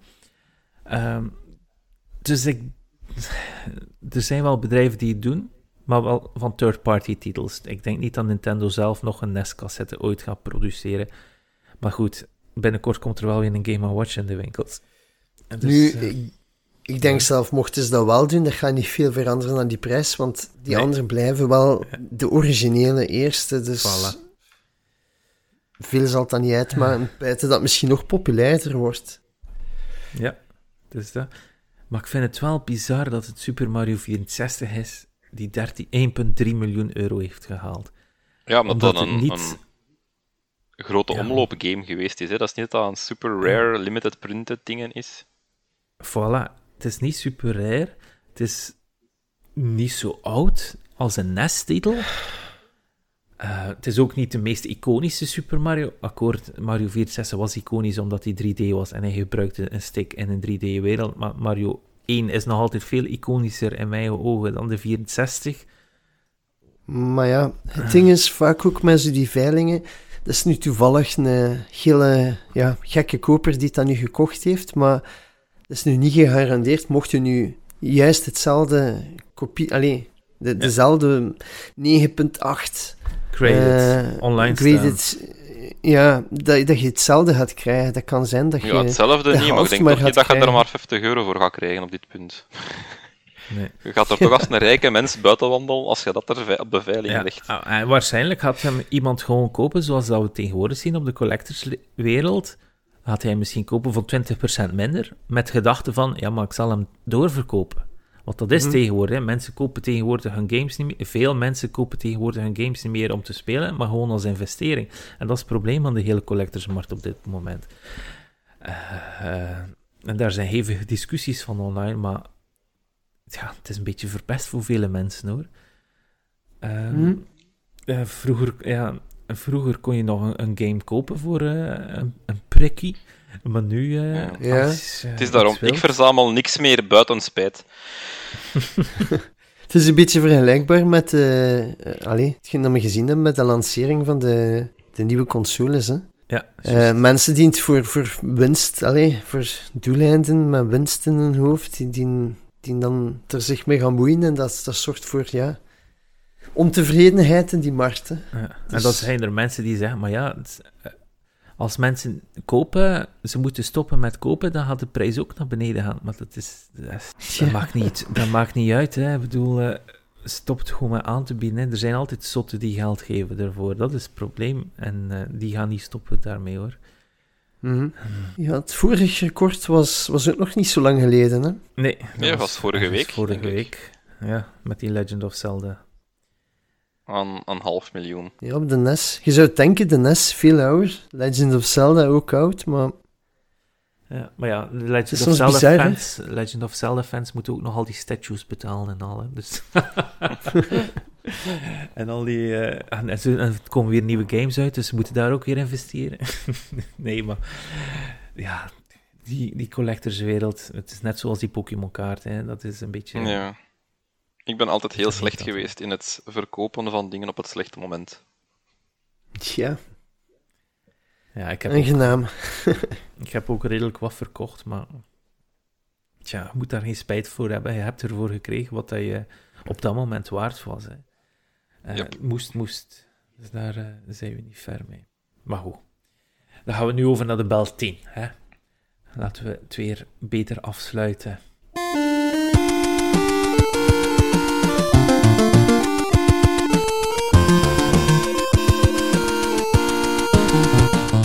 De bel 10, gepresenteerd door Robbie.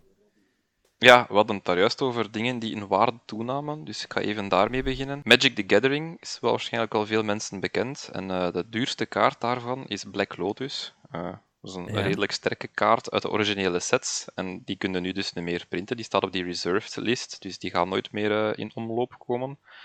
Eh, maar Roguebook, het Belgische game daar, die dat jullie grote fan van zijn, en ik nog altijd aan het wachten ben om eens eh, zelf aan de tand te voelen. Ja. Eh, dat wordt samengemaakt met Richard Garfield, de maker van Magic the Gathering. En nu hebben ze een heel leuke wedstrijd waarin dat je zelf vier kaarten moet ontwikkelen voor het spel. Dus gewoon de tekst doorsturen naar hun. Je moet nog niet eens art gaan zoeken of zo wat erbij past. Dat, dat regelen zij wel. Maar gewoon eigenlijk game conceptgewijs een paar kaarten gaan bedenken. En dat je zegt dat wel, die zullen wel leuk zijn in de game. En de winnaar daarvan kan een Black Lotus winnen. En die is ook door die, die schaal daar gerated als een 9. En die, is, die waarde wordt geschat op 20.000 euro. Al 20.000 dollar. Wat dat ook wel niet Ja. slecht is, denk ik dan, voor even Nee. eh, mee te doen aan een wedstrijd. Dus ik moedig iedereen aan, zeker degenen die Rogue- Roguebook kennen en denken van ik weet zelf wel een tof ideetje van een paar concepts door te sturen en daaraan mee te doen. Want ik ben eens gaan kijken op hun website en de highest rated kaart of zoiets staat momenteel op 9 votes, wat dat helemaal niet veel is. En ik denk als we als Bitkroeg eh, community een beetje bij elkaar komen en zo, dat we elkaar een beetje kunnen Dan, eh, boosten daarin. ja. Gratis barbecue voor iedereen. Ja, en dan, dat is voor hun ook tof, hè, want dan moeten ze het niet versturen, de kaart. Zei. voilà, dus dat. Van België naar België, dan moeten ze de shipping toch al niet doen. We kunnen ze persoonlijk gaan halen. Voilà. Instagram-momentje ervan maken. Ja, naar Luik. En dan eh Ja. leuk hem gepikt worden. het is niet waar. En, eh, en verder ben ik van plan in mijn elke week zo een beetje een game te gaan spelen die ik nog niet gespeeld heb van Belgische bodem. Ook eh, games die nog niet af zijn. En dat is vorige week geworden Setting Sun. Eh, dat is door een, een solo-dev gemaakt, Jannik Hanegreefs. En dat speelt zich zo'n beetje af in het eh, samurai-tijdperk. Ja. Ik heb de demo gespeeld, die is gratis beschikbaar via itch. En dat is een beetje zo'n een roguelike, waarin je een, een stadje hebt en dan heb je een randomly generated dungeon. Zowel een makkelijke als een moeilijke versie dat je kunt doorlopen. Eh, Ja. Redelijk moeilijk in het begin. Een keer dat je de, het, het, sla- het, wat is het slagen van de zweep of zo, de uitdrukking. En dat je dat te pakken krijgt, van van nog eigenlijk wel. En dan kun je veel defense doen en dan geraakt je zelfs door de hard difficulty wel door. Maar ik vond het heel aangenaam wel. Buiten wat Dus, eh, issues dat ik had met op controller te spelen en mij te oriënteren in defense dan naar de vijand, vond ik het wel tof om erdoor te gaan. En ik zie er zeker potentie in. ja, de screens zien er een beetje uit als een, als een Diablo-achtige, maar dan Ja. een samurai-tijdperk. Zo speelt het een beetje, ja. En dan heb je zo een paar sword styles dat je kunt doen en zo. En het is ook belangrijk van te parryen en te blokken en dergelijke. En dan heb je elke, elk eh, veldje dat je binnen gaat, is er dan zo een randomly generated vijand, of misschien een treasure chest room of zoiets, of eh, een drakenstandbeeld waar je aan kunt bidden voor een skill te krijgen die dan alleen maar geldig is in die run en zo. Ik zou, ik zou hem toch wel eens willen vragen waarom dat hij voor de Japanse esthetiek is gegaan. Dat is, dat is Ja, ik kan dat zeker eens Als- doen, als- want ik spreek af en toe met hem. En eh, Ja. Wat ik, moet ik hem zeker eens wel vragen zelf, als, eh, wie dat er verantwoordelijk was voor de muziek, want ik vond die vrij cool. Ah ja. Je hebt zo dat Japanse oh, tong tong tong en zo de, de, ja. die instrumenten daar en zo, maar er zit een heel moderne beat in en ik vond hem heel aangenaam. De soundtrack. Het is een heel traditioneel, Ja, misschien heel zal ik die... traditionele Japanse volk met, met moderne muziek dan. Ja, de, de, de, sfeer, ja. Is zo'n beetje elektronisch. En eh, ja, dus, die staat wel ergens online. Meestal, meestal indie devs zijn daar heel tof in, in dat ze hun eh, soundtrack ergens online aanbieden voor te vinden. Dus dat... En eh, dan wil ik ook nog eens over onze wekelijkse dingen gaan, want momenteel zijn we alle weken de BGA aan het overlopen, de Belgian Game Awards.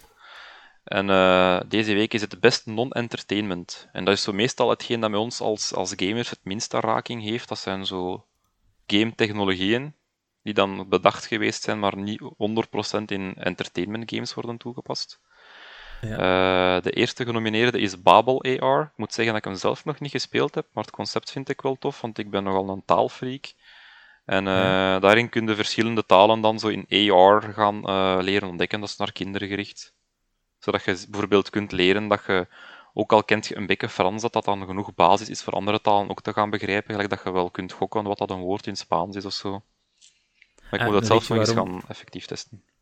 En weet je waarom dat het Babel heet? Nee, eigenlijk niet. Dus Babel en die, die, die site Babelfish. Ah ja, dat zegt mij wel iets. Ja, en dus dat komt allemaal eigenlijk door eh, door Douglas Adams, die dat verzonnen heeft voor zijn boek. Hè. Dus dat je een visje in je oor stak. Dus Hitchhiker's Guide to the Galaxy. Ja. Dat je een visje Ja. in je oor stak en dat je dan alles begrijpt. En, en, en en wat daardoor wat is komt die Babel? site... Dat is de naam ervan. Ja, de Babelfish, waarschijnlijk Babel Ah, van babbelen, hè, de, Ja.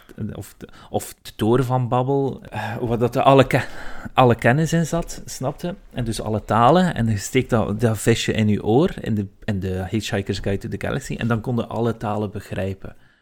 En dus eh, daardoor komt die site Babelfish, en nu waarschijnlijk ook de, de, de naam van deze game, Babel AR, of wat? Ja, Babel AR. Ja. Ja, dat is trouwens iets waar ik me altijd aan stoor in sci-fi films en dergelijke ook, dat die geen besef hebben van tijd en taal. Allee, dat je Ja, dat zou maar- moeten, bedoel ik.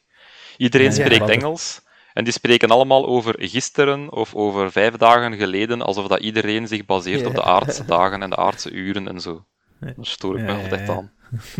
dat snap ik, ja, dat is juist. Ja, het is, het is- vijf dagen geleden is dit gebeurd. Het concept van een dag telt alleen op deze planeet. Dat heeft nergens anders betekenis wat dat een dag is, buiten hier. Bij met Marvel over het laatste toren ik daar heel neig aan over zo Thanos het concept van dag gebruiken. En dat is van, de aarde is niet het centrum van het universum. Maar dat dan voor de aarde te beschermen, hey, die bruggetjes vinden we zo leuk. Ja. Pollinator Park had ik het al over gehad vorige keer. Dat is dan de, die VR, maar ook in de browser speelbare game waarin dat je het belang van het bestuiven van de bloemetjes en de bijtjes leert kennen. Dus ik vind het leuk dat die ook genomineerd geweest is, is in deze categorie. En ook de een van de meest logische nominaties, vind ik. Oh, mag ik nog een vraagje stellen over de vorige game, Babel AR? Ja. eh, wa- wa- wat voor entertainment is het, Babel AR? Want het is AR, Augmented Reality. Dus dat zal eh, met een mobile Ah, of met een tablet zijn dat je bepaalde dingen doet en dat je dan met taal werkt. Maar ik, ik heb mezelf En- nog niet gespeeld. Dus ik baseer me ook dus- alleen maar op de beschrijving ervan. Ja, ja, ja. Het is vooral zo'n app die eh, in scholen zal gebruikt worden. En als ik het mij goed herinner, denk ik ook dat het in opdracht gemaakt geweest is van Luca. Van Luca School of. Arts. Mhm. Want het is eh, Thomas Mijnen die daaraan meegewerkt heeft van eh, Please Touch the Artwork. Nog een toffe game. Allee, een beetje... Ik vind het moeilijk om sommige dingen als game te omschrijven. Zij zelf doen het Mhm. wel, maar eh, Painting VR, dat zie ik meer als een soort van een, een VR-toepassing persoonlijk. Maar zij zelf zien er wel een game in. En ook al krijg je niet echt een opdracht voor iets te tekenen of zo. Maar wat ik ervan gezien heb, vind ik wel super tof. En dan heb ik al spijt dat mijn Quest eh, de deur uit is. Want dat is Ja. gewoon verven in VR, maar de manier waarop het gedaan wordt, wordt heel realistisch aangepakt. Het is echt zo gelijk natte verf op doek en zo. En als je je eh, kleuren mengt, zowel op je palet of als op doek of zo, dan is het realistisch hoe dat zich gedraagt. En ik heb er wel al heel veel creaties in gezien. En dat zou eigenlijk voor mij zou dan een droom zijn om zo social media te doen voor zoiets bijvoorbeeld, omdat dat gewoon oneindig veel mogelijkheden heeft. Hè. Iedereen Ja, begint ja. content te creëren voor die game dat je dan kunt delen op socials. En je kunt zelf ook gewoon elke week iets nieuw maken om te gaan beginnen delen. En dat hebben ze ook heel goed gedaan, want in bijna alle filmpjes dat ik gezien heb, eh, gebruiken ze dan zo populaire dingen, gelijk Pikachu of Mario of zoiets, of eh, Rick and Morty, om dat in de verf te zetten. En wat ik hele goede tactiek vind. Om in de verf te zetten, ja. Om in de verf te zetten, ja. Het was weer niet de bedoeling. Nee. Maar dat is wel plezant, zo dingen in VR. Ik, ik, kom, gra ik kom graag slim over, maar ik ben dus gewoon onbewust aan het punnen. Ja. Voor, voor de mensen thuis, ik had er juist gezegd, eh, als we aan het bespreken waren, wie gaat eh, FIFA bespreken, dat ik gezegd ik ken daar geen bal van. En dan lachten jullie, maar ik was daar echt niet bewust aan het doen. Ja, ik Alleen ben, eh, ik ben wel gek van zo die games in VR eh, schilderen en doen. Eh, ik heb zo Kingspray, ehm, Google, Google, Google Paint, denk ik. Ja. Dat je zo in driedimensioneel kunt schilderen en tekenen. Dat is echt, eh, ik vind dat, je kunt er enorm gekke dingen mee maken. Dus hetgeen dat nu Painting VR klinkt mij wel ook heel vet. Dus op, eh, op een canvas eh, echt verven.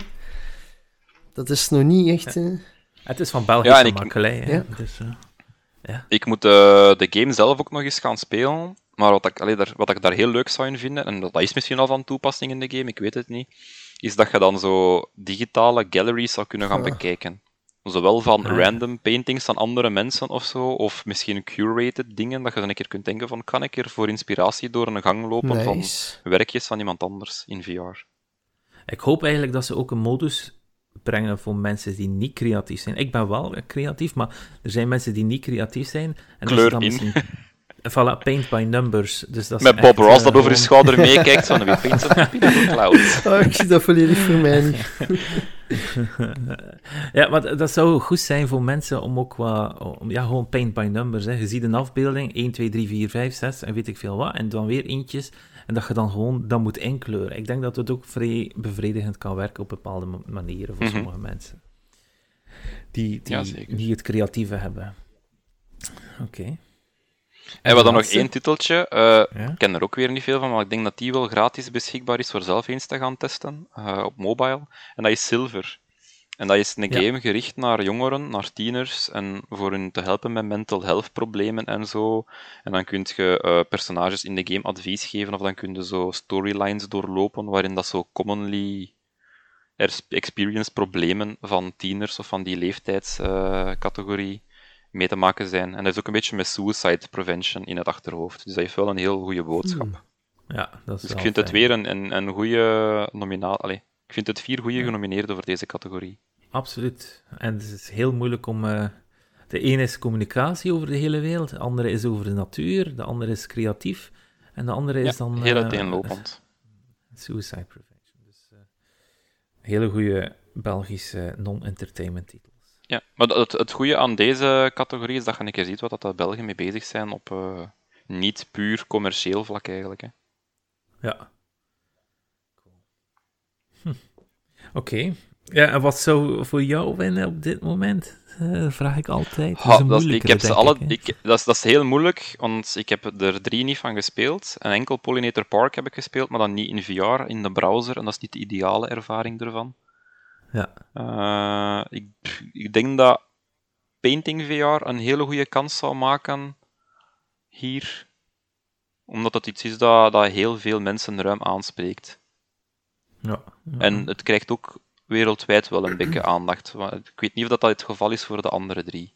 Silver en Babel is heel erg lokaal, denk ik. En, eh en Polinter Park, ja, dat is een Europees tintje wel, want dat is door de Europese Commissie eh gefund Ah, ja. geweest, dat project. Alright. Goed. Kijk, merci, Robbie, weer voor, u, eh, voor onze portie Belgische nieuws. Of Belgische kijkertjes, weet ik veel. Dat is altijd super interessant. Ehm, ja, we gaan bijna afsluiten. Ik ga eerst nog een kleine quiz doen. We hadden de vorige keer geen vraag voor het publiek. We gaan dadelijk wel eentje verzinnen. Of we kunnen tijdens deze quiz eentje verzinnen. Maar eerst en vooral een Japans geluidje omdat we een nieuwe quizvraag hebben. Dus het is 1 tegen 1. en onlangs was ik met mijn allerbeste vriend van 2 uur s'nachts tot 8 uur s morgens Monopoly aan het spelen. Ja, het was een, eh, we zijn beide competitief en het is heel hard uitgelopen. Ik ben gelukkig gewonnen, anders ging ik heel boos zijn. Ik hoor de vraag al komen. Ja, Welke monopolies zijn slechte- geïnspireerd op games? Ja, en de laatste, en ook, ik heb dit nieuwtje gevonden omdat Animal Crossing Monopoly net uit het nieuws is opgedoken. Dus inderdaad, jullie moeten elk om zijn beurt. Er zijn er wel maar twintig, dus jullie mogen eh, één keer missen voor mij. Ehm, welke monopolies zijn er uit die over games gaan? Ik laat Wie begint er? Grifter, Alain eerst en dan Robbie. Oké, en dan heeft Grifter een, een, een, een kansje meer. Oh, ja. Alain, de, de monopolie van, Van games. games. Het zijn- ja, er zijn heel... Er is er alleen een gratis dat hij het er juist gezegd heeft. Zo. Wat was dat? Ja? Ah ja, de Animal Crossing. Ah ja, ja oké, va, de Animal Crossing. Animal Crossing? Nee, nee. Eh, Ik, ik zou denken Angry Birds. kan dat? Olé, het een hele goeie gezegd, want ik heb alle Monopoly-borden dan Ja? net bekeken. Echt waar. Eh, en, er zien, en er zijn er zoveel, het is niet te doen. Maar ik heb alle games eruit gehaald en die Angry Birds Monopoly staat ertussen. Al de rest van alle Monopoly, gaming Monopolies zijn vierkant klassiek. Maar die ziet er heel speciaal uit. Die is rond en die heeft rond het bord heeft hij een slingshot die je kan bewegen. En je moet dan een bird schieten naar het midden van het Monopoly-bord. En daar zit een, een, een, een, een Nee. rat of zoiets.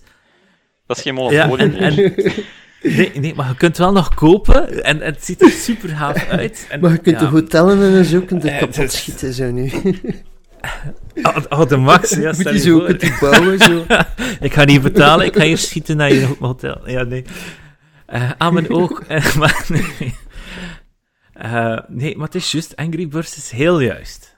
Robbie. Ik ga er rap uitleggen afhankelijk van zijn antwoord, want ik weet er maar twee. Eh, Pokémon.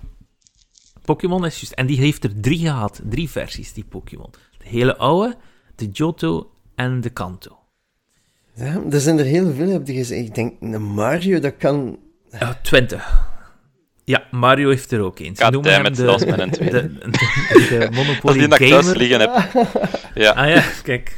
En die is trouwens heel leuk, want daar kun je uitbreidingen voor kopen. Oh, oh, oei, de- kopen. Het Is dat? wel nog als Mocht- Monopoly. Ja, je hebt zo de personageskaartjes eigenlijk, en dan kun je extra pionnetjes met kaartjes en abilities Ah. kopen. Maar die is echt wel heel leuk om te En spelen. abilities, wat, wat, wat is dat dan juist?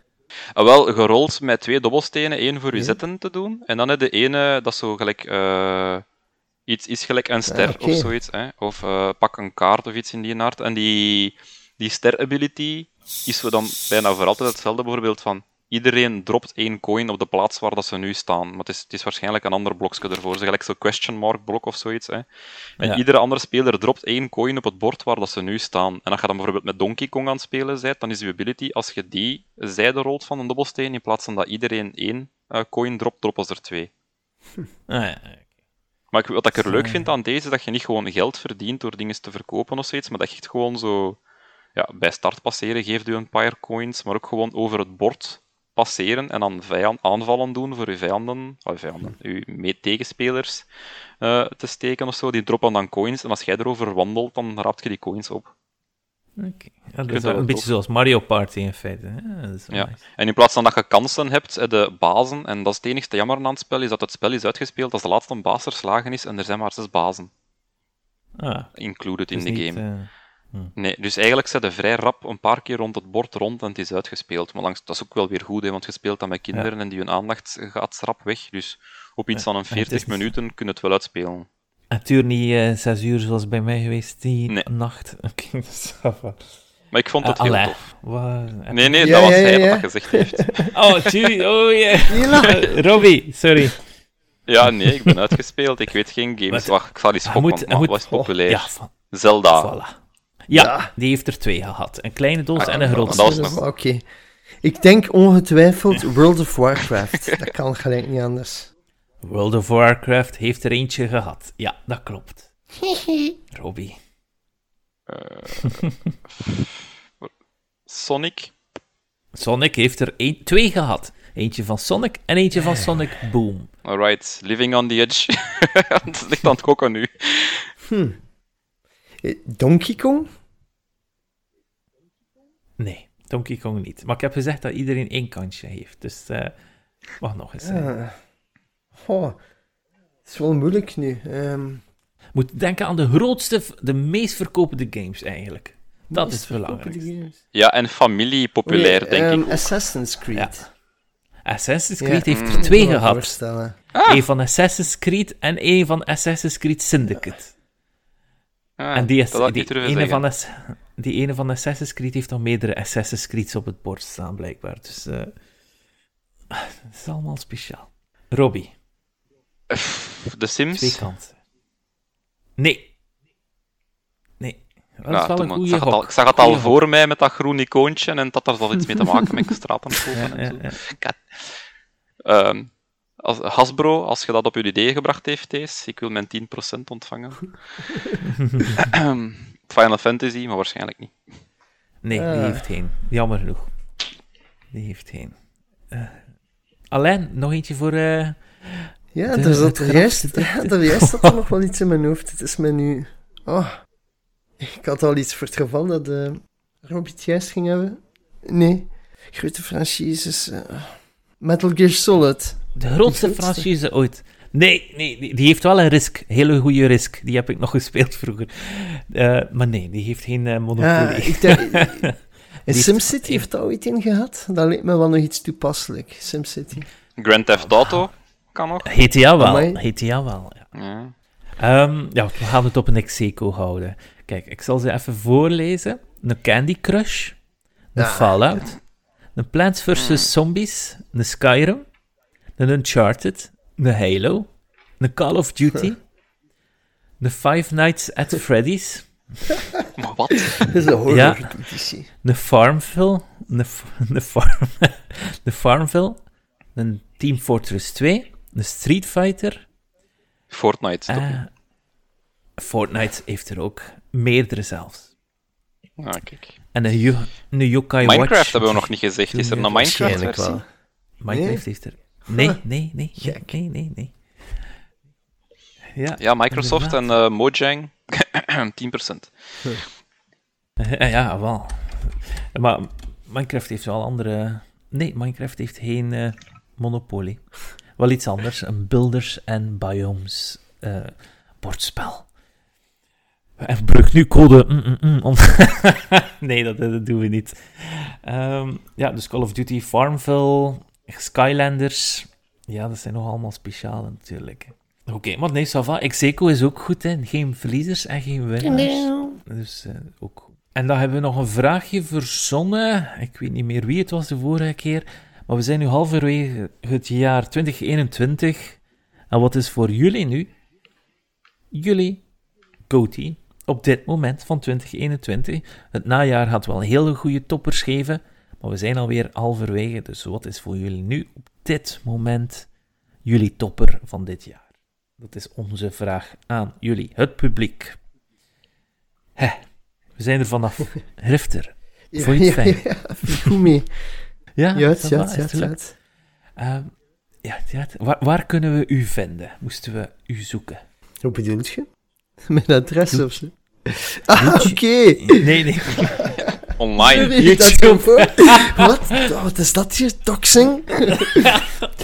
Goh. Waar woon je? Nee, nee, nee. Ehm, ik heb een YouTube-kanaal, Retro Productions, maar dat is wel Engelstalig. Ja, En op Twitch kun je mij vinden eh, op eh, Retro Grifter Retro Grifter op Twitch en Retro op YouTube. op YouTube. En Voilà, ook een op extra eh, volgertje Twitter. Ja, Twitter kun je mij Ja. ook vinden, inderdaad. Voilà. Dus eh, voor eh, te zien wanneer je kunt streamen of wanneer je nieuwe content op hebt. Eh, ik ben Rutger, je kan me volgen op Twitter op @rutgerknudde. En Robbie, Dat is overal als Bloody Good Reviews. Bitjaar kun je vinden op YouTube, Twitter en Facebook als Bitjaar. En Ifonk op @ifonkdmd, maar die waren er beide niet. Ehm, bedankt om het luisteren en sowieso tot volgende week. Salutjes hè. Salut. Dag.